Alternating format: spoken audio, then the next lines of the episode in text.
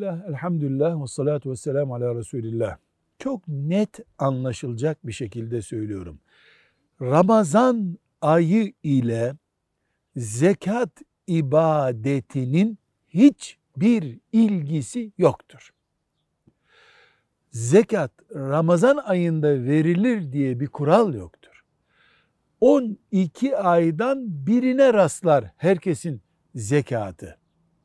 Ama eğer bir Müslümanın zekat görevi Ramazan ayına rastlıyorsa çok güzel. Ramazan ayına rastlamıştır. Ramazan'da bütün ibadetler çok daha sevaplı, zekat da daha sevaplı. Ama Ramazan'dan 3 ay öncesine zekat günü, zekat yılı gelmiştir. O Ramazan'da vereceğim diye bekletiyordur. Ortada bir vebal var.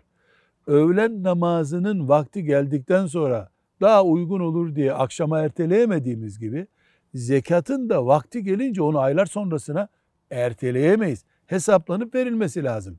Ama Ramazan'dan mesela bir ay sonrasına benim zekat günüm rastlıyor da Ramazan'da daha sevap olur diye önceden veriyorsam zekatı bu çok güzel.